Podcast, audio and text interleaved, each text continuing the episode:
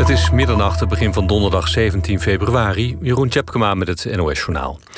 Rusland blijft militairen en materieel sturen naar het grensgebied met Oekraïne, zeggen de NAVO en de Verenigde Staten. Uit niets zou blijken dat Rusland een deel van zijn troepen terugtrekt, zoals het Kremlin beweert. Ook volgens Oekraïne is er nog geen teken van een Russische aftocht. De Oekraïense minister van Defensie beroept zich daarbij op informatie van zijn inlichtingendiensten. Maar Moskou blijft erbij dat er troepen worden weggehaald uit het grensgebied. Intussen zijn het Oekraïense ministerie van Defensie en een aantal banken vandaag en gisteren getroffen door een cyberaanval. Oekraïne spreekt van de grootste hackaanval ooit tegen het land en vermoedt dat Rusland erachter zit. Nederland heeft tijdens de Indonesische onafhankelijkheidsoorlog structureel en excessief geweld gebruikt. Dat geweld tussen 1945 en 1950 was in politiek Den Haag bekend en het werd gedoogd, zeggen wetenschappers die de afgelopen jaren uitgebreid onderzoek deden. Het kabinet zegt al tientallen jaren dat er excessen waren, maar dat dat uitzonderingen waren. Na een uitgebreide studie uit 2016 over geweld door Nederlandse legereenheden besloot het kabinet tot een groot onderzoek dat nu klaar is. Het rapport wordt komende dag officieel gepresenteerd. Premier Rutte komt naar verwachting daarna met een eerste reactie. In Den Bosch sluiten de kroegen tijdens carnaval om 1 uur. Dat heeft de gemeente samen met de horeca in de stad besloten. In principe gelden er vanaf 25 februari geen beperkte sluitingstijden meer... maar volgens de gemeente is er zo toch alle tijd om overdag en s avonds goed te feesten. De stad roept feestgangers wel op om alleen in de eigen gemeente te gaan stappen. Het weer vannacht zuidwester storm met aan de kust kans op zeer zware windstoten van ruim 100 km per uur. Ook landinwaarts is er grote kans op zware windstoten. Overdag is het nog onstuimig, met vooral aan de noordkust kans op storm. Later in de middag neemt de wind af en het wordt 9 à 10 graden. Dit was het NOS Journaal. NPO, NPO Radio 1. VPRO. Nooit meer slapen.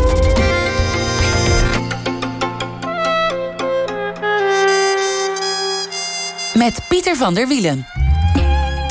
Goedenacht en welkom bij Nooit meer slapen. Twee ex-geliefden ontmoeten elkaar na vele jaren niet op een toevallige plek. Het is de plek waar hun overleden kind ligt begraven.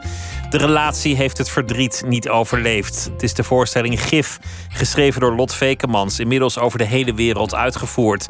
Dwars door culturen en andere verschillen heen ontroert het verhaal wereldwijd. Er is een nieuwe uitvoering van Karin Krutse en Stefan de Wallen samen op de planken. Avonden aan één spelen zij een rouwende moeder en een rouwende vader. Dat lijkt me trouwens geen kleinigheid. Karin Krutse is hier, buiten stormt het. En tegenover mij zit een topactrice. Brak alweer eeuwen geleden door in de serie Pleidooi en was sindsdien te zien in vele films, voorstellingen, series en eigenlijk allemaal heel gevarieerd. Een paar jaar geleden heeft ze ook een roman geschreven, geïnspireerd op haar jonge jaren. In Limburg waren die jonge jaren en dat boek heette dan ook Uit het Zuiden. Karin Krutse is van 1961. Welkom. Leuk dat je er bent. Leuke inleiding, ja, leuk om het te zijn. Je, je hebt net gespeeld, ik ben, ik ben bezig kijken. Ja. Hoe, hoe kom je dan van het podium af eigenlijk? Hoe zit je hier dan nu?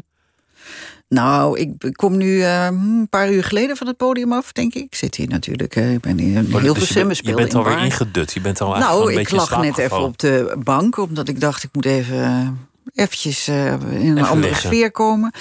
Um, ja, we zitten in de try-out periode, dus dat is een spannende periode. En dan kost zo'n voorstelling ook ja, we zijn het aftasten en het proberen. En dan heb je het nog niet zo vaak voor publiek gespeeld. Het is dus best, best intensief. Het is een intensief stuk van een klein anderhalf uur.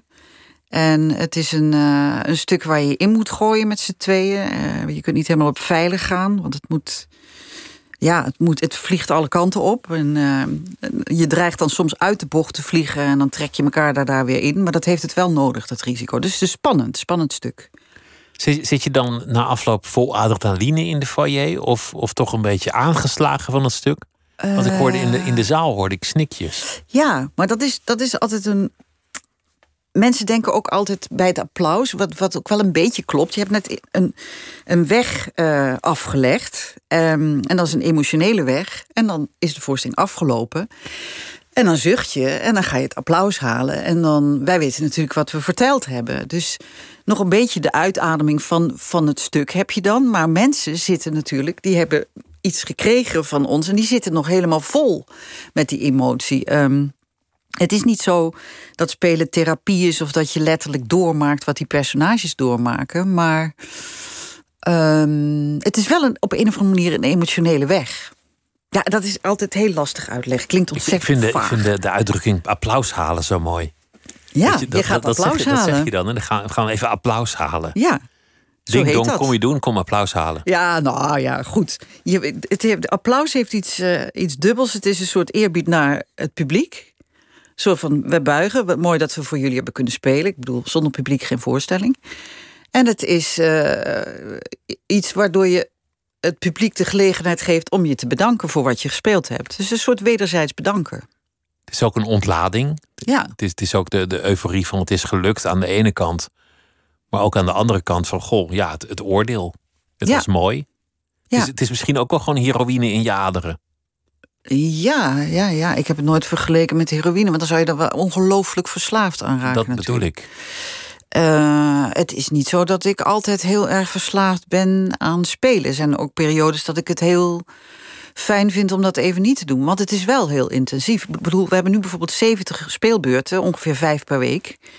Dat ehm, vergt wel altijd de indeling van je dag. Je weet altijd, vanavond moet ik spelen. Dus ik ga niet eh, rare dingen doen... of ik ga niet eh, mezelf te moe maken... want ik weet, ik moet dat nog spelen op het eind van de dag. Dus eh, ik vind het zelf heel fijn om zo'n tournee te doen en dan weer even niet te spelen. En dan denk ik ook echt, oh, wat lekker. Dus in die zin is het niet hetzelfde als heroïne, denk ik. Want dat heb je altijd nodig. Elke dag. Elke dag. Nee, ik, vind- ik hou ook heel erg van. eh, Dus, dus je moet kunnen kiezen dat je het ook niet kunt doen. Ja. De optie van het niet spelen moet ook aanwezig Ja. zijn. ja. Hoe, hoe vaak speel je niet? En hoe, hoe lekker Nou is ja, dat? we hebben natuurlijk afgelopen, Ja, eh, afgelopen paar jaar corona. Nou, maar dat is wel voor het eerst. eh, en dat geldt ook voor Stefan de Wallen, waar, waarmee ik het stuk speel. We hebben een paar jaar niet gespeeld. Dus we staan nu voor het eerst weer op een podium. Dan heb je een paar jaar. En dat is toch, ja. Eh, het is niet vreemd. Ik hoor, ik hoor daar ook. Ik, ik vind het ook een hele natuurlijke plek om naar te staan. Dus dan, dan denk ik, ja, ik sta toch waar ik moet staan of zo. Zo hoort het dat jij op die planken staat. Ja, maar dat wil niet zeggen dat ik die afgelopen twee jaar de hele tijd heb gedacht: oh, kon ik maar op die plank? Nee, dat heb ik niet. Nee.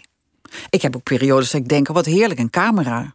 Hoef ik niet op het podium te staan. Dan heb ik takes en zo. En dan kan ik dat andere spel met die camera spelen. Of periodes dat ik denk: ik ga even schrijven. Ik ga me even helemaal afzonderen. En, en dat tunneltje van dat schrijven. Dus het, of ik geef les. Nou, dat vind ik ook allemaal heerlijk. Dus het is niet zo dat ik echt altijd op dat toneelpodium moet staan. Moet je altijd iets doen of kan je ook gewoon helemaal niks doen? Ik kan heel goed helemaal niks doen. Gewoon, gewoon echt niks. Nou ja, mijmeren, een beetje wandelen. Ja, ik kan heel goed alleen zijn ook. Ja, Wat gebeurt er dan als je alleen bent? Ja dan laat ik mijn gedachten gaan en dan. eh, ik ben wel een denker. Ik over, overdenk dingen of ik lees dingen en dan. ehm, ja, dan ga ik, wel, ga ik naar buiten en dan eet ik. zie natuurlijk wel mensen. Ik zie mijn kinderen of beste vrienden. Of we gaan samen koken of dat soort dingen. Maar ik vind, ja, ik zou niet het hele jaar vol kunnen zitten met alles wat ik, wat ik moet. Ik hou van, van niks tijd ook. Dus dat is ook waarom je niet een, vast contract hebt bij een groot gezelschap. Waar dan zeg maar in april iemand komt met Ja. eh, de rollen. Precies, dan word je ingedeeld. En En die zegt dan van eh, jij bent Julia en dat loopt van september tot februari. nou, dat zou ik wel heel interessant vinden als ze mij nog zouden vragen voor Julia nu op mijn leeftijd. Dat zou wel waarom heel... niet? Dat zou toch prima kunnen? Julia is 14, hè? Oh ja, god, maar ja, dan draai je dat om. Is Julia een keer 41, jezus. 41. Ja, ja. Complimenteus. Ja, nee, maar goed, snap je? Het is, nee, ik, ik wil mijn eigen keuzes maken. Dus als je bij een gezelschap zit, dan, dan eh, worden die keuzes vaak voor je gemaakt. Dus de, dus de lat ligt in zekere zin hoog voordat jij iets gaat doen. Je moet, je moet er helemaal klaar voor zijn, er helemaal zin in hebben. Het, het moet je echt aanspreken. Ja, dat wil niet zeggen dat dat altijd zo. Kijk, als iets ja, een, een week duurt of zo, dan denk je: vind ik dit leuk? Weet ik niet. Maar ik stap erin en dat is een week. Maar als je echt een half jaar op tournee gaat met een toneelstuk. En het is iets waar je niet van houdt. Kijk, mislukken kan altijd alles. Hè? Dat, is, dat is een risico. Maar als je a priori al niet denkt dat je daar iets mee kunt. en je gaat dat dan een half jaar. Ik kan het niet. Ik word daar gewoon ziek van. Ik, ik, ik, ik ga me slecht voelen. Ik, Lichamelijk wordt het. ja, ja, ja. En geestelijk daardoor. Dus ik, ik, ik kan dat niet. En dat heb ik uh, jaren geleden heb ik dat in een periode dat het niet goed met mij ging, heb ik dat ontdekt. En ik weet dat ik me daaraan moet houden. Dus, dus dit heb je eigenlijk door, door schade en schande moeten leren. Ja. ja. Heb je het vak wel eens gehaat? De dag betreurd dat je ervoor koos? Uh, nee. Nee, het is. Um, nee, in die zin heeft het vak mij ook een beetje gekozen op de een of andere manier. Maar dat wil niet zeggen dat ik elke dag. Um, ik, ken acteurs die elke dag zeggen: Wat heerlijk, ik mag vanavond weer spelen. Dat heb ik niet. Ik kan er ook enorm tegenop zien. Um, het is een soort haat-liefde. Uh, soms ben ik ook heel zenuwachtig voor een voorstelling. En dan denk ik, waarom doe ik dit? Waarom? Nou, bijvoorbeeld zaterdag hebben we première en dan weet ik dat ik in de coulissen sta en denk, oh, waar, waarom doe ik dit? Waarom moet ik die berg nou weer op? Ja, letterlijk die berg. Dat is ook wat ik echt een berg op. Maar daarna komt dan weer de euforie. Daarna denk je, oh. Wanneer mag ik weer? Ja, nou ja, wat ging goed en wat heerlijk is het dan. En wat heerlijk om dat te doen en om te spelen en om dat contact. Dus het is allebei. En de ene dag heb je dat, is dat minder extreem, en de andere dag weer wel. Maar het is, het is nooit, um, oh, dat doe ik even. Nee. Waar ging het toen mis toen het misging? Die periode van jaren geleden dat je zei van echt, ja. Echt ja, lang geleden. Dat is toen ik net van de toneelschool kwam. Dus toen was ik 23, echt vlak daarna. En um, ik kwam eigenlijk vrij snel in een project terecht waar, waar ik niet in hoorde, waar, waar ik niks aan vond. Wat ik maar wat je dan denkt als je net begint, dat moet ik doen. En het was niet alleen dat woord, het was een hele combinatie van uh, ja, een aantal dingen die samenkwamen waardoor, ik, waardoor het niet goed met me ging. Maar ik weet wel dat als iets mij echt tegenstaat om te doen, dan, dan, ja, dan word ik daar ziek van. En dat gaat niet over huishoudelijke klusjes. Hè? Ik bedoel, het gaat niet om, ik hou niet van strijken, dus daar word ik ziek van. Dat is het niet. Nee, dat, zou, dat zou een heel, heel uh, chanterende ja, smoes nou, zijn. Dat vind ik, en dat klinkt ook heel blasé. Kun jij de afwas doen? Nee, je weet toch, oh, dat ga ik overgeven. Ja, nee, nee, nee. nee. Maar Uh, iets waar ik, laat ik het zo zeggen, iets waar ik mijn ziel en zaligheid in, eh, dat, dat is het. Als ik, als ik ergens voor kies, dan doe ik dat voor 100% En als ik als dat niet lukt, omdat het uh, omdat het blokkeert, omdat, het, omdat ik niet van hou eigenlijk. Of het voelt vals. Of ik um, doe dat omdat je nou eenmaal geld moet verdienen of zo. Dan denk ik, nee, dan, dan ga ik dat geld wel ergens anders verdienen. Dan dat ik mijn vak daaraan verkwansel. Dus, dus, als je het niet met volledige oprechtheid en toewijding kunt doen, dan, dan keert het zich tegen je. Ja. Wat je aan het doen ja. bent. En dat wil dus niet zeggen dat alles wat je doet per se lukt. Snap je? Maar in eerste instantie moet dat geloof er zijn. Dat het, dat het iets moois kan worden. Het risico dat iets mislukt is er altijd. Uh, als je een voorstelling maakt. trouwens wel een nachtmerrie als je iets uh, eh, 130 keer verkoopt.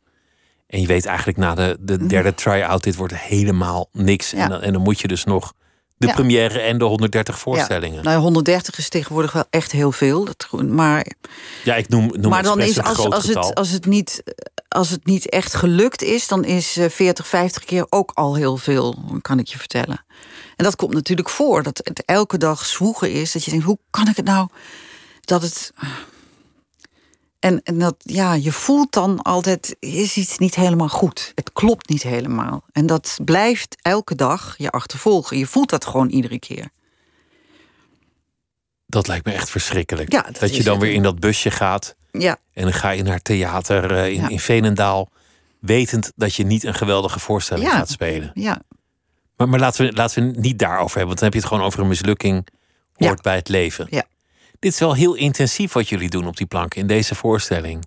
Ja. Twee rouwende ouders die ook nog uit elkaar zijn gegaan, elkaar jaren niet hebben gesproken. Ja. En die door de omstandigheden al die ellende even met elkaar gaan oplossen.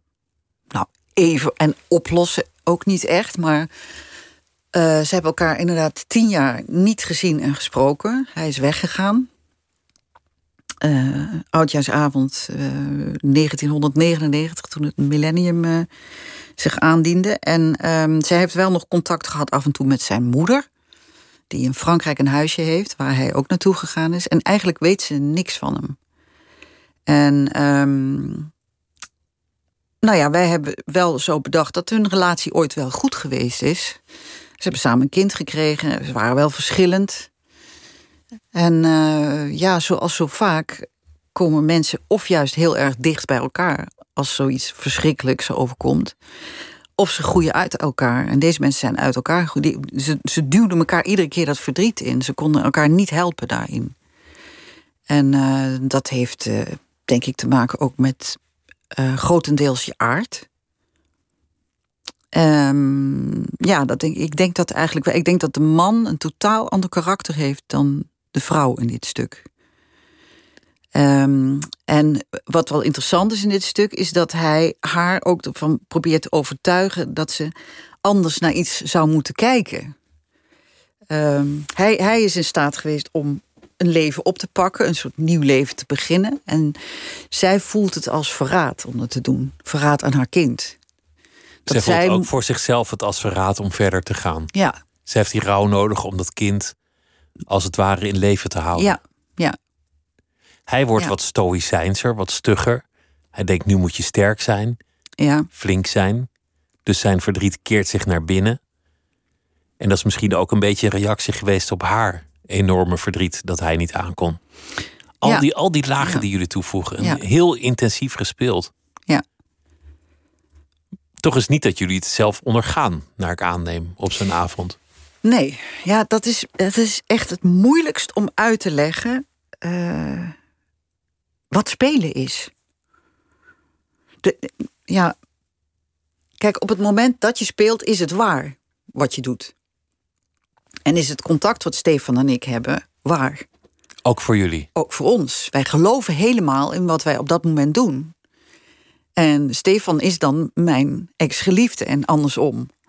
En samen hebben wij dat kind verloren. Dat is echt, dat is waar. Maar je weet natuurlijk, bedoel, je derde oog kijkt mee en weet natuurlijk dat dat niet zo is. Wij weten, we hebben een tekst, wij weten, we spelen een rol, we staan in een theater. Maar dat is wel de magie van theater, dat we met z'n allen geloven, ook het publiek, dat wat daar gebeurt op dat moment echt waar is. Daarom raakt het ook als het goed is. Je zit met z'n allen in naar een soort illusie, naar een leugen te kijken die toch waar is. En dat is zo mooi. Dat is waar het eigenlijk allemaal in essentie over draait. Ja. De geloofwaardigheid. Ja, de geloofwaardigheid. Als, dat ze met z'n allen er maar in, meegaat. Precies, wat ze met, met z'n allen in zo'n theaterzaal geloven in wat daar getoverd wordt. Dat is magisch, want je hebt door de jaren heen mensen alles wijs kunnen maken, alles kunnen laten geloven voor de duur van die anderhalf uur. Ja. Welke rollen je wel niet gedaan hebt. Ja, maar dat is het mooie daarvan. Het is ook niet te vergelijken met iets anders. Kijk, film is natuurlijk een, een, realisme waar je, ja, je zit in een huiskamer of in een bioscoop en je kijkt naar wat daar voorgespeeld. En natuurlijk, dat raakt je ook. Maar ja, het risico wat het in zich draagt als je met z'n allen in zo'n zaal zit. Ik bedoel, kan ook altijd iets fout gaan. Vandaag bijvoorbeeld uh, moest ik iets uit mijn. Uh, ik weet niet of je dat gezien hebt. Moest ik iets uit mijn zak halen. Dat was een, een uh, iets wat ik hem aanreik omdat hij een bloedneus heeft. En dat was uit mijn zak gevallen. Dus dan denk ik, ik heb het er toch echt ingestopt. En dan kijk ik rond en dan ligt dat op de grond daar. En dan, nou, ga ik dat op. Er is altijd, elke avond is er iets. Of ik ga te snel met een tekst en dan denkt Stefan, oh. En dan doet hij iets waardoor ik denk, oh ja, ik was de...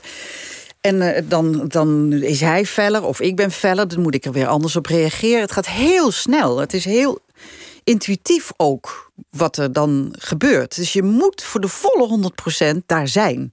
Want als iemand ineens verspringt in de tekst en die, die vergeet bij wijze van spreken een, een bladzij. Ja, of dat een is scène. Veel. Dat is veel, een bladzij. Maar dat, ik, dat Wa Waardoor het publiek een cruciale scène niet heeft meegemaakt of het verhaal niet meer klopt. Ja, dat heb ik eerder meegemaakt. Ik speelde het stuk De Kus met Huub Stapel samen. En op een gegeven moment sloeg Huub sloeg echt bijna een pagina over. En ik keek hem aan. Hij had totaal niet in de gaten dat hij dat deed. En ik stopte en ik stelde hem een vraag opeens, die dus niet in de tekst was, die te maken had met iets van de pagina ervoor. En doordat ik die vraag stelde, dacht hij: Oh hemel, ik heb die hele pagina overgeslagen. Dus dan moet je gaan terugbreien met z'n tweeën. Want dan gaat, dat gaat ook razendsnel dat je denkt, want het publiek moet dit weten, want anders snappen ze dat straks niet. Dus je gaat dan terugbreien met z'n tweeën. Tot, tot het, op een gegeven moment dachten we, hier gaan we niet meer uitkomen. En echt op het moment dat we dachten, nu moeten we stoppen en zeggen: Sorry mensen, we zijn even helemaal de, de verkeerde weg opgegaan. Uh, we gaan even kijken en terug. Uh, gewoon even goed nadenken en dan gaan we weer door. Maar dat wil je niet dat dat gebeurt, want dan is natuurlijk de illusie verstoord. Maar al breiend kwamen we toen elkaar wan zo aankijkend, kwamen we op het juiste pad en toen konden we weer door. En toen was er niks meer aan de hand. Maar dat komt dus voor dat je. Ja, dat je verkeerde weg afslaat of te vroeg. Te vroeg ergens naartoe gaat, ja.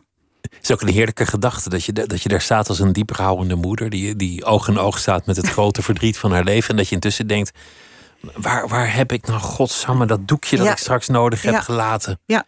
Ik moet dat doekje hebben, anders kan ik hem straks niet. Ja. Ja, maar al zoveel draadjes, zoveel. Dan hoor je iets uit het publiek bijvoorbeeld. Er zat vanavond iemand met een beademingsapparaat. Heb je die gezien? Die zat vooraan. Nee. Ik zeg op een gegeven moment in de voorstelling... heb ik het over de laatste momenten van onze overleden zoon. En dan zeg ik dat ik hem voor het eerst vast heb... zonder slangen aan zijn lichaam, zonder het zuigende geluid van het beademingsapparaat. En ondertussen hoor je dus dat zuigende beademingsapparaat van die man die voorin zit. Waarvan ik tegelijkertijd denk, wat dapper van die man... dat hij toch in deze coronatijd, zwakke gezondheid... naar dit stuk wil komen kijken. Al die gedachten, al die dingen gaan allemaal door elkaar. Ja, zo werkt je brein. Dus vandaar dat je even moet liggen na zo'n voorstelling. Ja, dat je, nee, dat, je dat was bent. omdat ik nu uh, hè, met jou nog een uur. Uh, nou, ik lag even gewoon even lekker lang uit in plaats van dat ik zat. Ja. Het vak heeft jou uitgekozen. Ja, een beetje, een beetje wel, ja, denk ik. Dat, ja, je... Hoe ging dat? Ja, zolang als ik me kan herinneren, begon eigenlijk met zingen voor de klas. Vroeger moest je altijd een liedje zingen en een, een, een, gedicht voordragen voor de klas. Tenminste, mijn katholieke basisschool was dat zo. Katholieke meisjesschool. En dan, eh, of een verhaal schrijven en dat voorlezen aan de klas. Maar vooral met zingen had ik dat toen. Dan moest je een liedje zingen. En dan was iedereen stil. En dan zei de juf, oh, wat kun je toch mooi zingen. En dat, dat, ik groeide daarvan. En dan mocht ik in de kerk, mocht ik een gedichtje wat ik had gemaakt, mocht ik voorlezen. En dan was ik Maria, en dan had ik uh, blauwe dingen, en dan had ik een babypop in mijn handen. En, zo. en dat, dat, dat gevoel van in die kerk daar staan, wat natuurlijk een theater is eigenlijk, dat, um, dat paste me. En daar is dat eigenlijk begonnen en is nooit weggegaan. En wat vond je daar wat je elders niet vond? Nou, ik was een verlegen kind. Um, ik was nooit een kind wat uh, Haantje de Voorst... Uh, leuk toneelstukjes en zo. Dat was ik helemaal niet. Maar er was iets... Um, ik vond daar iets mooi aan. Ik vond ook aan, aan rituele dingen mooi. Dat, dat, dat, dat, dat dramatische, dat zat er gewoon in. Ik vond dingen ook soms heel erg. dat klinkt dan heel... Uh, zo van, oh, mooi erg. Mooi erg. Dus als Maria verdrietig was, dan, dan vond jij dat ook mooi om dat uit te beelden? Ja, maar dan zag ik helemaal voor me hoe zij dan naar die herberg en dat er dan geen plek was. En dat, dat drama daarvan, dat, dat vond ik mooi. Ja, hoe, hoe ontstaat dat? Dat weet ik niet. Dat zit in. Uh, Wel dat, raar als je verlegen ja. bent, dat je, dan, ja. dat je dan juist voor die planken kiest en daar niet verlegen bent. Ja, ja, maar er is ook misschien een misvatting over verlegenheid. Als je, als je makkelijk praat of sterk overkomt, uh, wat over mij nog wel eens gezegd wordt, dan. Uh, van, van binnen wil dat niet zeggen dat je niet verlegen bent. Ik weet eigenlijk helemaal niet meer wat verlegen is. Ja, wat is verlegen? Wat verlegen is, is uh, volkomen gêneloos, denk ik. Uh, uh, dus als, dat is het tegenovergestelde. Dus als je, als je. Als je je eigenlijk bij heel veel dingen afvraagt of dit. Uh, ja, hoe moet ik dat zeggen? Het heeft met schaamte te maken. Ja, en op een podium is het net alsof je daar dan juist overheen gaat. Alsof je de, de gêne overwint. Het moet ook altijd. Als, je, als, als ik begin met een nieuw stuk of een nieuwe rol en je gaat de vloer op, dan is er altijd chaîne. Altijd. Die moet, daar moet je overheen. Dus verlegenheid is een soort voorschot op schaamte. Het dus heeft ook de- iets met stilte te maken of zo- verlegen. sociale pijn die je al van tevoren hebt geïnternaliseerd, nog voor het moment van schaamte zich aandient. Ja, ja, ja. Dus je denkt, oh, dus dan gaat straks iedereen misschien wel denken dat. En dat is verlegenheid dat je Ja. het eigenlijk al niet aangaat. Ja, het zijn heel veel verschillende ehm, eventualiteiten die zich, die zich tegelijkertijd afspelen van wat, wat er kan gebeuren. En eh, ehm, eh, ja, een soort kwetsbaarheid. Het is, het is stil of zo. Ik, ik ben van binnen stil, denk ik. Ik kan het niet anders zeggen. Stilte van binnen. En op het Ja. podium dan is er iets aan de hand waardoor dat niet kan. Want dan moet je wel. Ja, die, waardoor, die, waardoor die stilte ja, van, van binnen naar buiten gaat of zo. Ja, het, is, het is allemaal. Ja. Het zal vast een afwijking zijn ook waarom je op een podium gaat staan. Want ik bedoel, het is toch niet normaal dat je op een podium gaat staan omdat je denkt dat je iets te vertellen hebt of te laten zien waar andere mensen naar moeten kijken. Dus op zich iets heel. Maar je bent het niet zelf. Dat is, dat is natuurlijk ook een groot verschil met het dagelijks leven. Je bent Maria. Ja, maar je Of- bent het ook heel erg wel zelf. Want, als je zegt, erin. want als je zegt, ehm, dat is ook een misvatting over spelen. Als je zegt, eh, ik ben iemand anders, dat is onzin. Ik ben niet iemand anders. Ik ben altijd Karien, ik heb een eigen stem, ik heb mijn fysiek. Eh, het is mijn voorstellingsvermogen, het is mijn fantasie. Eh, het zijn mijn wendingen, het zijn. eh, dat, is heel, Ja, dat is heel erg ik juist. Alleen wat er geschreven staat, of wat je denkt over of geanalyseerd hebt over dat personage, haal je naar jezelf toe. Je wordt nooit een ander. Dat is echt flauwekul. dus dan zou die verlegenheid er wel moeten zijn. Maar dan is het meer die context van, van de geloofwaardigheid creëren. Waardoor je de verlegenheid kunt parkeren. Ja, de geloofwaardigheid gaat voorop. En, en, en eh, het- zijn je, het is je gereedschap of zo waar je dan uit put. De, de elementen van binnen, die heb je nodig. En daar, voor, voor mij hoort daar ook die ja, verlegen stilte bij. Of dat overdenken, of dat laten sudderen. Het is sudderen ook. Als je een nieuw stuk begint of een nieuwe rol, dan suddert er heel veel. Ergens in je onderbewuste is dat gaar aan het koken Ja. voor het moment dat het, er, dat het eruit moet. Ja, en soms is dat bewust en soms is het inderdaad onbewust. Want dan ga je spelen en dan vloept er iets uit. En denk je, hoe kan dat nou eigenlijk? Dat is, dat is ook het mooie van spelen, wat je zelf niet snapt. Wa- Was je een stil kind trouwens, toen, toen je dan opgroeide? Als je dan niet Ja. Maria was? Ja, ik was wel een stil kind. Ook niet, ook niet extreem of zo, maar ik was wel. eh, ja, ik was wel, wel een bedachtzaam, laat ik het zo zeggen. Een bedachtzaam kind. Niet zomaar je, je mond open trekken. Nee. Wat ik nu veel eerder doe dan vroeger. Kon dat niet of wilde je dat niet? Of, of zat dat niet in je beestje? Nou, het is niet zo dat er niet naar mij geluisterd werd of niet naar gevraagd werd. Dat is het allemaal niet. Ik denk dat ik meer opslokte dan dat ik eruit eh, gooide.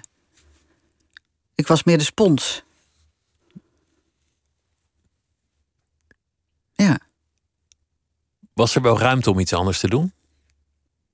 dan spelen? Bedoel Nee, dan, dan, dan de spons te zijn en alles op te slokken. Dan stil te zijn, dan het binnen je te houden. Wat, zou, wat zou er zijn Eh. gebeurd als jij thuis schreeuwlelijk was geweest? Nou, daar was, geen, daar was inderdaad geen ruimte voor. Want er waren problemen.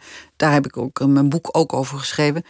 Ehm, er was iemand anders in huis die eh, meer het probleem was. En ik wilde het probleem niet zijn. Je Dus broer, in het boek was de broer het Ja. probleem. Ja, En, en de ouders die hadden veel conflicten. En dan was er iemand die dacht, nou ja, deze ruimte is al zo vol. ja, Laat ik dan maar een stap naar achter doen. Ja. ja. Mijn ouders hadden dat conflict ehm, met, eigenlijk met de broer. Dat was, dat was het probleem in huis. En ik was de derde, eh, die, hem en broer was er dan vaak niet. En dan waren we met z'n drie en ik was een kind. En ik was, was te vol, ik werd aangesproken als te volwassen eigenlijk. En ik voelde dat verdriet rond dat probleem. Dus ik, eh, ik wilde dat probleem niet zijn. Ik ben ook heel laat daar. Ik heb eigenlijk niet gepubert daarom. Dus pas- laat ik die ouders dat niet ook nog eens aandoen. Er, er Ja. is al iemand met zoveel conflict. Ja, de goede dochter willen zijn, ja. Het verstandige, wijze meisje. Lief willen zijn voor ja. je ouders. Ja, Is dat gelukt? Ja, dat denk ik wel. Ja. Ja. Het is wel, wel interessant. Je, je schreef dat boek.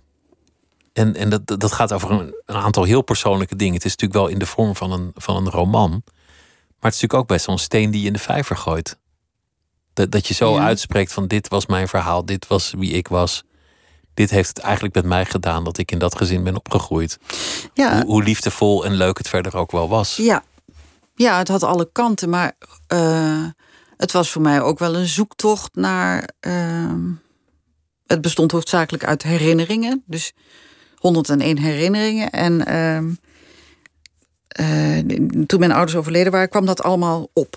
Dat was, dat, die diende zich aan, al die herinneringen. En eigenlijk was mijn vraag, uh, omdat ik me zo kind voelde toen mijn ouders waren overleden, voelde me zo klein weer. Alsof ik alleen op de wereld stond. Terwijl ik heb kinderen, ik heb een man. Dus maar ineens was je weer kind. Ik was weer kind en dat kwam omdat ik wees was. Opeens. En dat overkwam me. Dat gevoel heel erg.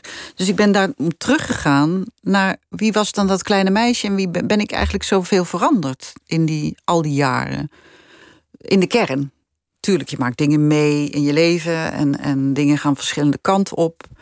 Maar in wezen ben ik in wezen iemand anders. Zit dat meisje er nog onder? Ja, heel erg. Ja. En dat, dat meisje kon je ook gewoon nog oproepen en dan kon je ook het gevoel terughalen. Maar dan met alle wijsheid van een volwassene die ziet wat daar eigenlijk aan de hand was. Ja. En ik denk zelfs dat dat meisje de kern is van het spelen ook. Dat was de uitlaatklep van dat meisje destijds. Ja. De plek waar ze ruimte in kon nemen. Ja. Maar dat meisje, bedoel ik te zeggen, is nog steeds de kern van waaruit ik speel. Dat is mijn kwetsbaarheid. Dat is mijn kleine meisje. Die, heb, je, die heb je nodig om al die rollen te kunnen spelen. Ja. Dus als, als jij een, een moeder met een overleden kind speelt, dan heb je dat, dat kleine meisje ergens nodig om, om die kwetsbaarheid te kunnen ervaren. Ja, en sterker nog, ik denk dat dat voor alle mensen geldt. Dat denk ik. Dat is ook een van de redenen waarom ik dacht: ik moet het boek schrijven. Het gaat wel over mij, maar het gaat niet letterlijk over mij. Ik denk dat wie je bent, dat, die, dat diegene uh, al heel vroeg is. En ik denk dat als, als, jij, als jou iets wordt aangedaan, bijvoorbeeld, dat jij dan dat kleine jongetje bent. Dat, dat, die, die, voelt, die voelt de pijn. Dat kleine miskende jongetje ben je dan. Ja. En eigenlijk zijn we allemaal ja. een kind. Ja, nog dat steeds. denk ik. Ik vind het ook heel mooi als je soms in, in volwassen of mensen die. Mensen kunnen zich zo voordoen als volwassenen. Dan denk ik, ach, schijt toch uit. Doe toch gewoon. Ik zie best wel dat jij ook een gewoon een heel klein. Je ziet het kind er doorheen schijnen. Ja, en dat is mooi. Ik vind dat mensen dat veel verstoppen. Ik vind kinderen ook wel veel volwassener dan, dan ze eigenlijk worden geacht te zijn. Ja, nou ja, dat. dat andersom dat, is ook waar. Ja, andersom is ook waar. Ja. Heeft, je, heeft je broer het boek gelezen? Heeft hij, heeft hij er ooit op gereageerd? Um, hij heeft er ooit op gereageerd. Daar ga ik dan weer niet op reageren, want dat is iets tussen ons. Uh, maar ik weet niet of hij het boek zelf gelezen heeft. Dat weet ik niet. Hij heeft de, de ophef eromheen. Uh... Ja. Dus, dus dat was spannend voor jou om dat te doen? Ja, dat ook, was ook, ook mijn grootste twijfel of ik dat kon doen. Of kan je eigenlijk dat verhaal wel vertellen? Want het is niet alleen jouw verhaal. Ja. Maar dan geef je meteen ook het antwoord, maar het is ook mijn verhaal. Het is jouw verhaal. Ja, precies. En het is mijn waarheid van waaruit ik het geschreven heb. Hij heeft misschien zijn eigen waarheid, maar uh, ik vond dat ik het daarom wel kon vertellen. Omdat het heel veel invloed heeft gehad ook op mijn leven. En, nogmaals, het gaat ook niet allemaal om de letterlijkheid. Het gaat om. Uh, het, is, het is autobiografisch, absoluut. Maar het is niet geschreven. Uh, het is helemaal niet zo'n groot verhaal. Er zijn mensen die hebben veel waanzinnigere verledens. En weet ik veel, incest. Uh, allebei ouders vroeg overleden. Weet ik wat je allemaal kan meemaken aan gruwelijks. Dat was allemaal niet aan de hand. Het gaat juist om, het, om, de, om de kleine dingen die ook heel belangrijk zijn. De kleine stapjes in levens, de, het onbegrip, het vechten om dingen, het verschil in karakter, het, wat, waar ouders denken dat ze goed doen, waarvan je dan denkt dat hoorde bij een bepaalde tijd. Maar dat was eigenlijk heel gek dat dat toen zo naar gekeken werd. Um, en hoe je dat vormt. Maar ook de hele liefdevolle dingen. Ik bedoel, als ik schrijf dat ik met mijn hoofd bij mijn moeder op schoot lig... en zij s'avonds speltjes in mijn haar doet voordat ik naar bed ga... omdat ik dan leuk krulletjes in mijn haar heb. Die, dat, dat liefdevolle en dat warme daarvan, dat is net zo belangrijk. Dus het gaat, het gaat mij vooral om de, om de kleine... Uh... De kleine dynamiek die zo vormend is en een, een heel leven kan doorwerken. Ja. En om mensen, eigenlijk heb ik dat ook geschreven om mensen daar, en dat is gelukt, want dat krijg ik vaak terug, om mensen aan te zetten uh, om terug te gaan. En om, om door die dingen die ik schrijf te denken: God, mijn moeder deed ook altijd dit of dat. Of mijn vader um, was ook zo rustig in zichzelf. Wat vond ik dat eigenlijk fijn? Of in ieder geval dat je zelf ook teruggaat naar je eigen herinneringen dan was het ook wel een idylle, maar er was er ook altijd de mogelijkheid van de dreiging van het geluid van de brommer van de broer die op het uh, tuinpad, bij wijze van spreken, aankwam. Had geen brommer, maar goed. Maar goed, en, en dat de problemen weer konden beginnen. Ja, Helemaal veilig was het ook weer niet. Nee, die dreiging, ja. Hij is priester geworden, toch ook in dat geloof. Het is ook, ook een beetje dat, dat je schetst dat het een betoverde wereld is. Vanwege dat geloof. Ja, magische wereld. In ja, nou ja, ik denk ook dat geloof voor een groot deel te maken heeft met, uh, uh, met, met iets wat je, wat je jezelf voorspiegelt. Of een, een verhaal wat daaromheen gemaakt is. Of het nou een Bijbel of een Koran of wat dan ook is. Uh, waarin je met z'n allen gaat geloven, omdat dat troost biedt of veiligheid. Of dat je dan zelf geen verantwoordelijkheid hoeft te nemen en het daar kunt leggen ik kan er niks aan doen, want het komt door iets wat groter is dan ik. Daar is, denk ik, los van dat het natuurlijk ooit een machtsmiddel is geweest om mensen eronder te houden, is dat wel waarom het zo werkt. Het is denk ik ook een natuurlijke neiging van mensen om, om ergens een verhaal van te maken van een aaneenschakeling van toevallige gebeurtenissen weten ze zo een verhaal ja. te brouwen. Ja, kijk, alle complottheorieën die zijn natuurlijk ook daar allemaal op gebaseerd. Ja. En het universum is wellicht een aaneenschakeling van totaal toevallige gebeurtenissen. Ja, maar het is toch mooier om te bedenken dat iemand dat gecreëerd heeft. Dat er, ja, of iets, of dat er een ordening of rechtvaardigheid of, of iets. Dat, vind ik, dat vind ik een van de mooiste dingen in de voorstelling Gif over, over de rouwende ouders. Ja je hoopt zo tegen het einde van de voorstelling op enige vorm van verlichting en troost. Maar tegelijk weet je, die is er in essentie niet. Maar vond je niet dat er iets van ergens. Er zit een ontwikkeling in, vind ik zo. Er zit absoluut een ontwikkeling in. En er zit ook absoluut troost. En ze gaan iets lichter naar buiten dan ze naar binnen gaan. Maar zeg maar, als je het hebt over, over de grote donderslag van, van een scenario schrijver. Dat die zoon weer binnen zou komen. Nee daar, daar zou je ook niet mee wegkomen in zo'n theater. Nee. Dus er is uiteindelijk geen troost. Je kind is dood en die blijft dood. Ja, maar zoals hij zegt, wat als alles blijft zoals het nu is? Dat dit het is, het moment. En dat je niks meer hoeft. Dat Daar het kan leven hij... eigenlijk maar een moment is. Ja, en, dat, en hoezo moet je altijd streven naar iets? Hoezo hoop op iets? Uh, misschien is dit het wel dit moment. Meer is er niet. Hij kan daar op een of andere manier vrede mee hebben. En zij niet. Zij zegt, ja, maar ja, dat is toch bizar dat je gelukkig bent omdat, omdat dit het is. Omdat er niet meer komt dan dit. Dan zegt hij, dat is toch geruststellend? Zegt, maar het is niet hoopvol.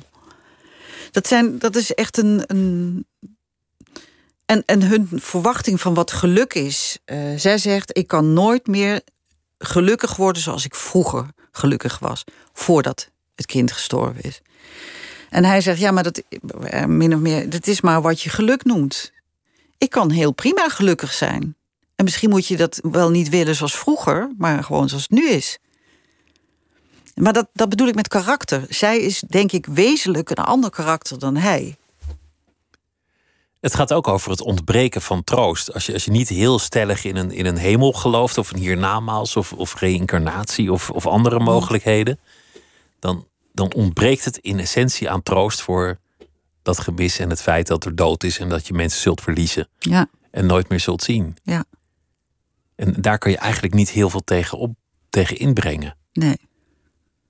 Anders dan die aanvaarding van de man wellicht. Ja. En dat moet je kunnen, wat hij doet.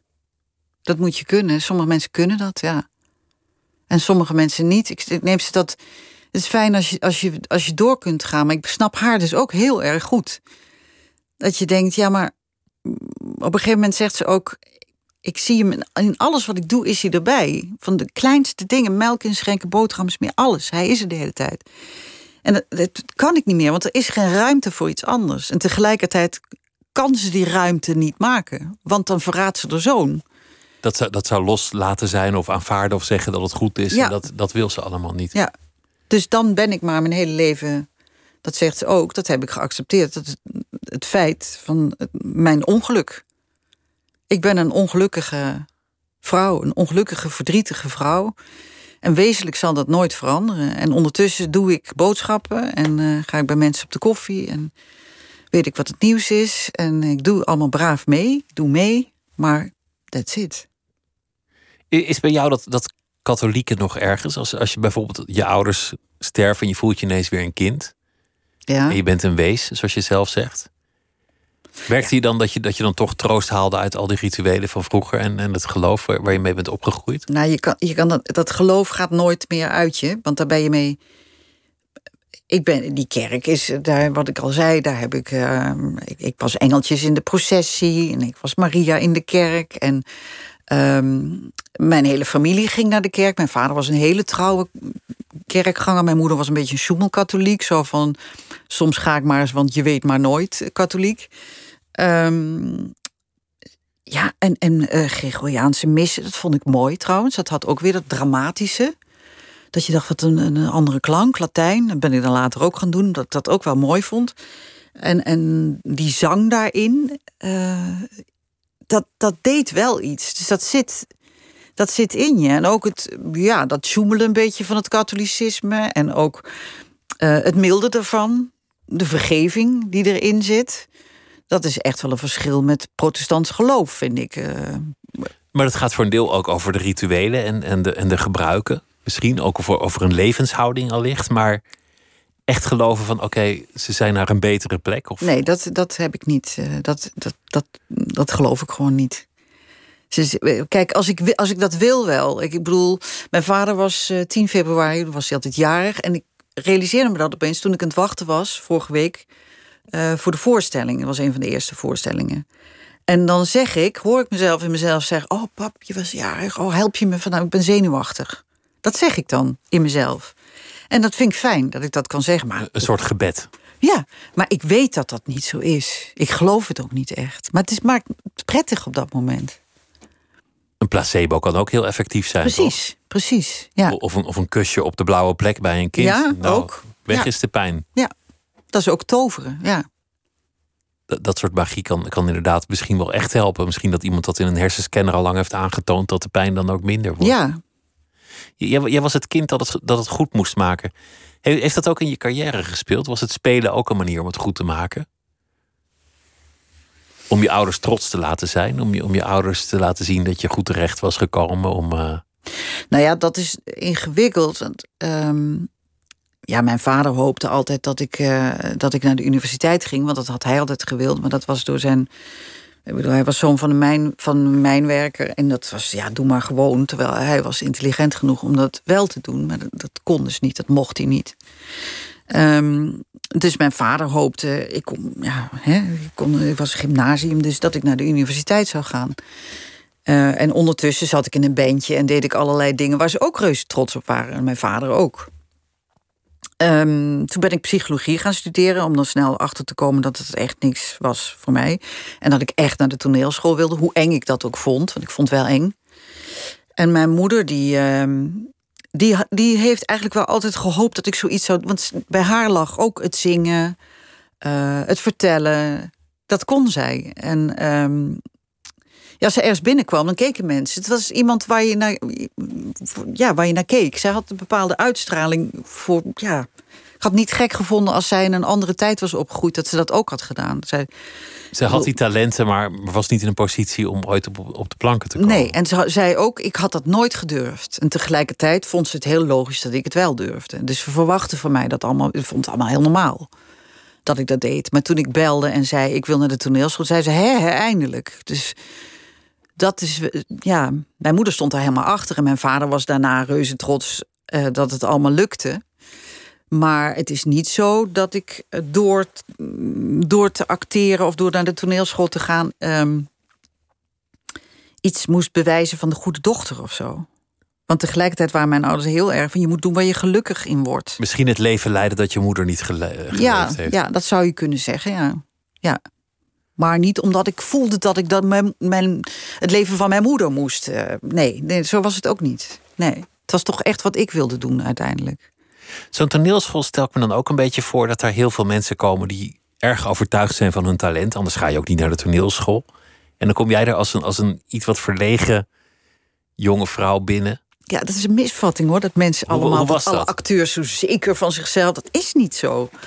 Er zijn ook heel veel acteurs die uh, gedrag compenseren. Hè? Dus die helemaal niet zo zelfverzekerd zijn. Ik ken eigenlijk best veel acteurs die helemaal niet zo zelfverzekerd zijn. Die kunnen goed bluffen, kunnen goed toneel spelen.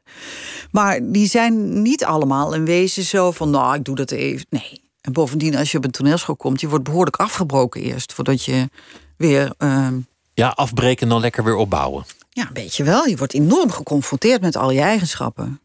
Dus bij jou gingen ze meteen prikken van... hé, uh, hey, waarom ben je zo stil? Of hé, hey, waarom ben je zo Ja, ik moest, ik, moest allemaal, uh, ik moest allemaal van die oefeningen doen... Uh, ja, naar buiten. Ik, moest, ik, ik, was keurig. Ik was een keurig meisje. Dus ik kreeg al. Ik moest striptease dingen doen. Ik moest.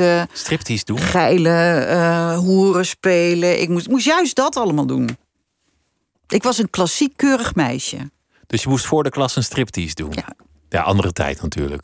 Ah, dat, ja, maar dat soort dingen gebeuren nog. Ja, misschien niet meer op die manier. Ik denk niet meer op die manier, nee. Nee, maar je moet nog steeds op een toneelschool wel dingen doen die absoluut eh, uit je comfortzone. Uh, ja, het is. Dat, dat kan ook niet anders. Je moet echt alles durven. Tenminste, uh, zoveel mogelijk durven. Over je eigen grenzen heen durven ja. stappen. Dus, Ja. dat, dus dan moet je, moet je taal uit je mond gooien die normaal nooit zou uitspreken. Ja. Je moet gewoon naakt voor ik de klas moest gaan achter staan. in de balletzaal gaan staan en neuken. Godverdomme. Dat soort dingen moest ik doen. Omdat dat normaal nooit uit je mond Nee. zou komen. Nee. Niet, Het woord niet- neuken, dat was allemaal neuken, weet je wel. Dat was echt een... Nee, dat was geen woord voor mij. Maar als de docent zegt, doe eens een striptease voor de klas... zou je tegenwoordig, zouden ze meteen aangifte doen... en eh Ja, zou, ja. zou het de krant halen. En, en, Ja. eh, Nou ja, dat was toen dus niet zo. Eh, ik, vond die opdracht ook eigenlijk achterlijk. Maar dat deed ik dan ook op bluff. Dan dacht ik, oh, jij, denkt dat ik dat niet kan? Nou, dan zal ik je eens wat laten zien. Zonder muziek, hè? Ook een striptease. Dus mijn klas zat om me heen. Er waren zes mensen of zeven. En een, een, een groepsdynamica les was het ook. Dat betekent hoe je met een groep eh, omgaat. Ah, die les bestaat ook niet meer. En ehm, ja, ik dacht, dan, eh, dan ga ik toch gewoon een striptease doen. En dan in je hoofd neuriënd, you can leave your head. Ja, en een soort maar- van film, filmbeelden van iets wat ik gezien had ooit van een striptease in een film. Heeft, heeft het geholpen eigenlijk? De, die, die eerste afbreken, dan weer opbouwen, strategie. Ja, je bent gaat- een goede acteur geworden, maar had het daar iets mee te maken? Mm, ja, nou, het gaat, er niet, het gaat er ook niet om dat je als je lesgeeft op een toneelschool... dat je denkt, nou, die ga ik eens even lekker afbreken. Dat, zo zit het niet. Maar het is wel wat je als, als eerste aanbiedt, is meestal veiliger. En dat is wat je kent. Dus ieder, ieder mens doet iets wat in zijn eigen range ligt. Als je nou denkt, ja, maar jij, jij durft, als ik zelf lesgeef, doe ik dat namelijk ook. Dan denk ik, je durft die kant niet op te gaan. Dus dan probeer ik iemand die kant op te duwen. En dan, dan hoop je dat iemand dat op een gegeven moment doet. Dat er een ander luik open gaat en dat dat gebeurt. Het is ook zo, als je, als je wil acteren en je wil goed worden, dan moet je alles gebruiken wat je hebt. Dus je kunt niet zeggen, ja, maar dit vind ik, dit vind ik verdriet vind ik te moeilijk. Of dit vind ik, eh, ehm, ja, dat, dit wil ik niet van mezelf laten zien. Dan denk ik, oké, nou dan kun je best een eindje komen. ehm, hè? Maar dan word je nooit echt iemand die met Dus je moet diep in jezelf reiken. Het mag niet veilig worden. Je moet Nee. al die luiken openzetten. Je, je zei eerder in het gesprek dat je, dat je vrij snel daarna, rond je 24ste, crashte. Crashen is mijn woord, maar ja, tegen de muur aanliep. Tegen Ja. de, de plankenvloer raakte, hoe je het ook noemt. Ja, eigenlijk na de toneelschool, toen ik klaar was met de toneelschool. En dat had weer te maken met dat niet puberen, wat ik eerder zei. Eh, opeens van de, voor mij, voor een gedeelte toch veilige toneelschool. Gek genoeg, voor heel veel mensen is dat niet veilig. Maar ik had voor mij toch een soort. Binnen die schoolmuren was er toch een bepaalde veiligheid. En daarna ging ik naar Amsterdam. En voelde me opeens uh, echt in de grote stad als provinciaal.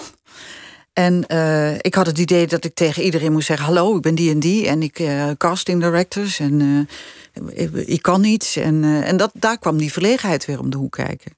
Dat kon ik niet. Ik hoe, hoe zou je het noemen wat je toen had? Was, was het een, burn-out, een, een nou, depressie? Ik ben echt ziek geweest. Echt zwaar ziek geweest. Hoe, hoe lang heeft dat geduurd? Ja, al met al vier jaar. Maar dat is niet vier jaar even erg. Dat was twee jaar echt wel erg. Dat ik echt niet meer wist wat ik moest. En me heel slecht voelde. En twee jaar opbouw af. Een paar stapjes vooruit, weer even terug. Dat is. Uh, en ja, na een jaar of vier denk ik dat ik wel kon zeggen. Ik geloof dat er iets weg is. Wat, wat zo belastend was van binnen. Het is weg. Het heeft zich opgelost. En daardoor heb ik wel geleerd dat ik veel meer te letten op wat past bij mij en wat past niet bij mij. En dat heeft weer te maken met die keuzes die je dan maakt. Want die depressie ligt ergens nog op de loer. Die ja, reist met is, je mee. Ik ben daar dat, ja. Een soort spook dat, dat ergens in de verte nog ja, ik weet, ik, dat spook ik, kijk ik af en toe wel een beetje aan. Denk, oh, ja, oppassen. Wat denk je dan als je het, het spook aankijkt? Behalve nou, dat, weet ik. Ik ga de verkeerde kant. Ik moet terug. Ik moet terug. Oh, is niet dat je tegen het spook praat? Dat je zegt spook op Nee, nee. Dat niet? Nee. Dat, dat, dat praten met de duivels in mijn hoofd, dat ken ik wel. Maar dat was, die duivels zijn dan ook... de periode dat het voorbij was... waren de duivels in mijn hoofd ook weg. Dus er viel niks te praten met de duivels? Nee, want die waren ik ben zo lang bang geweest voor die duivels... en zolang ik daar bang voor was, waren ze er. En toen, als, op het moment dat ik ging denken... en dan duurde het nog een tijd, kwamen ze weer terug. Dat ik dacht, nou, doe maar met me dan. Oké, willen jullie ruzie maken met mijn hoofd? Doe maar. Het is goed. En dan was jouw hoofd bezeten door, door andere krachten die jou naar beneden drukten, als het ware. Ja, maar ik maakte, als, op het moment dat ik me daar niet meer druk over maakte, ik dacht, nou, neem het dan maar over. Ik kan er niks aan doen. Vier jaar is een hele lange tijd. Ja. Het klinkt, het klinkt ook heel eenzaam, wat je vertelt. Ik denk dat uh, mensen die niet weten wat een depressie is, die snappen niet hoe verschrikkelijk eenzaam dat is. En dat je het niet altijd aan de buitenkant ziet. Want ook in die jaren kwam ik op plekken en praat ik met mensen. En mensen konden gewoon zeggen: Goh, je ziet er goed uit. En, uh, en ik kon ook gewoon functioneren vaak. En van binnen uh, ja, ging ik vaak dood. Voelde ik me zo slecht.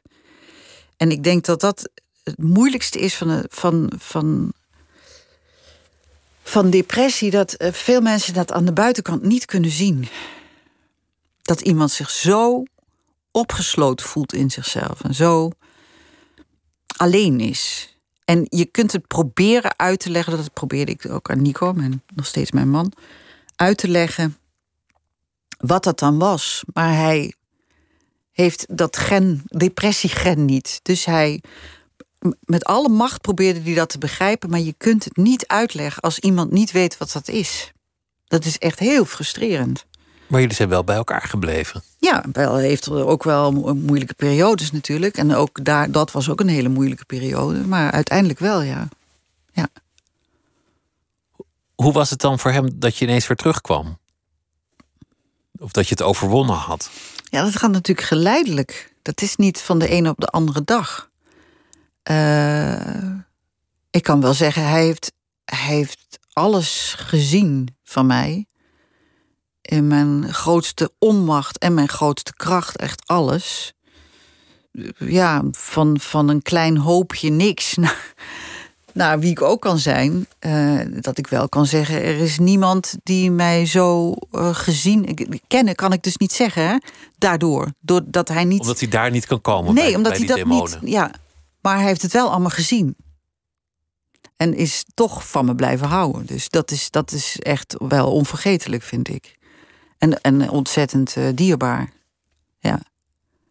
En op een dag was je er weer. Misschien hebben die, die demonen en die depressies je ook in zekere zin netto aan het eind van de, de lange rit gelukkiger gemaakt. Omdat het je heeft geleerd om op een bepaalde manier te leven die, die je misschien wel gelukkiger maakt of, of in, in een veiligere plek houdt. Nou ja, meer in vrede met het uh, bestaan, denk ik. Ik weet niet of je dat dan gelukkiger moet noemen. Want geluk, ja, wat is gelukkig? Gelukkig zit hem in, in uh, in, ik bedoel, ben. Ja, wat is gelukkig? Voor mijn, voor mijn zestigste verjaardag namen mijn zonen mij mee naar Stockholm. En dan zag ik die, ze zijn uh, bijna 32 en 28. Zag ik ze voor me lopen, twee van die lange mannen. En dan in één keer oh, overkwam het me. En dan dacht ik, ja, dit is geluk. Twee van die, van die mannen in praten waar ze praten zo. Ik dacht, die mij meenemen naar Stockholm, omdat, ze, omdat ik, hun moeder wordt 60 en denk, zij vindt het heerlijk om met ons naar ergens naartoe te gaan. En ze liepen zo voor me en dan, en dan ja, dit is geluk. Dat is, ja, en dat is, het overkomt je een moment. En dan, en dan, uh, ja, dan gaat het leven ook weer door. Het, het, het een vluchtig moment. Het is niet een euforische staat waar je ooit aankomt en dan altijd zult blijven. Maar het is even zo'n vluchtig moment dat je overvalt. Ja. Maar net als rouw je kan overvallen ook. Want rouw is een soort. Uh, omgekeerd. Nou ja, in ieder geval, je voelt dan.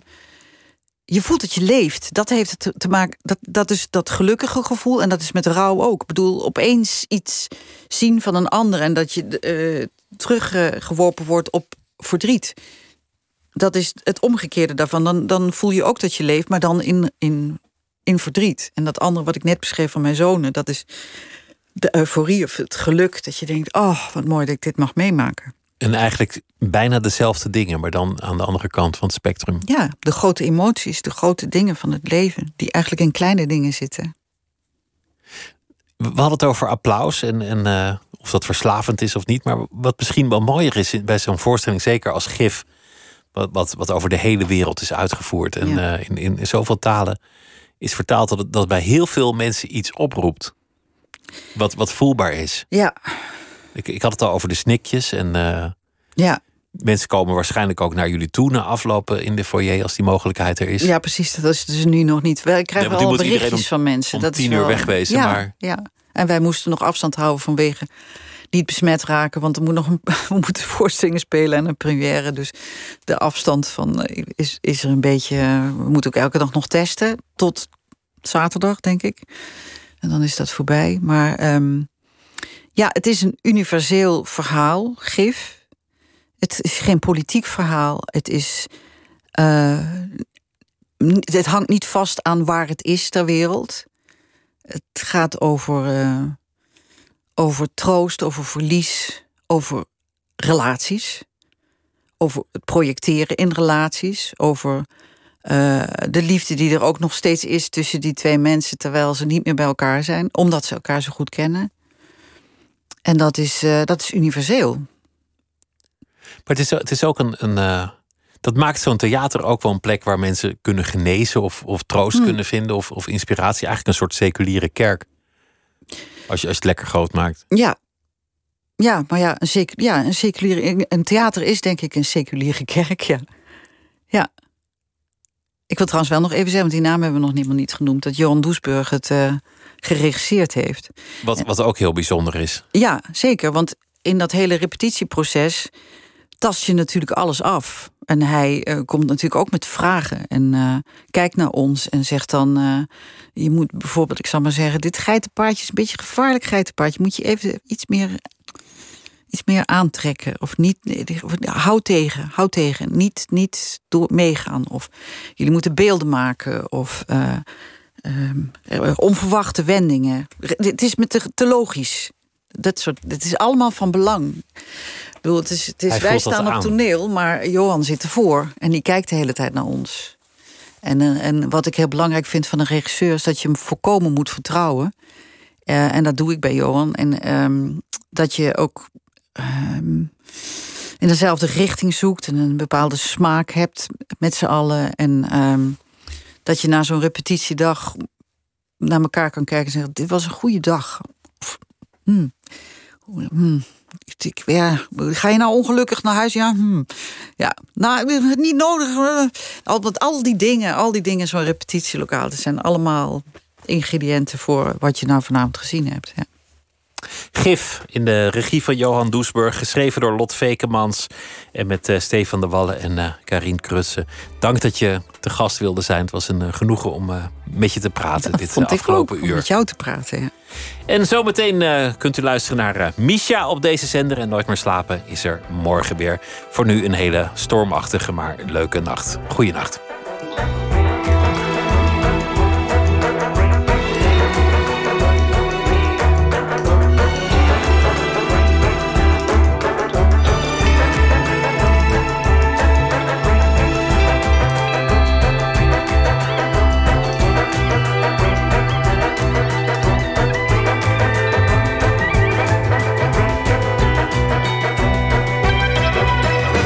NPO Radio 1. Wie luistert, weet meer. NPO Radio 1.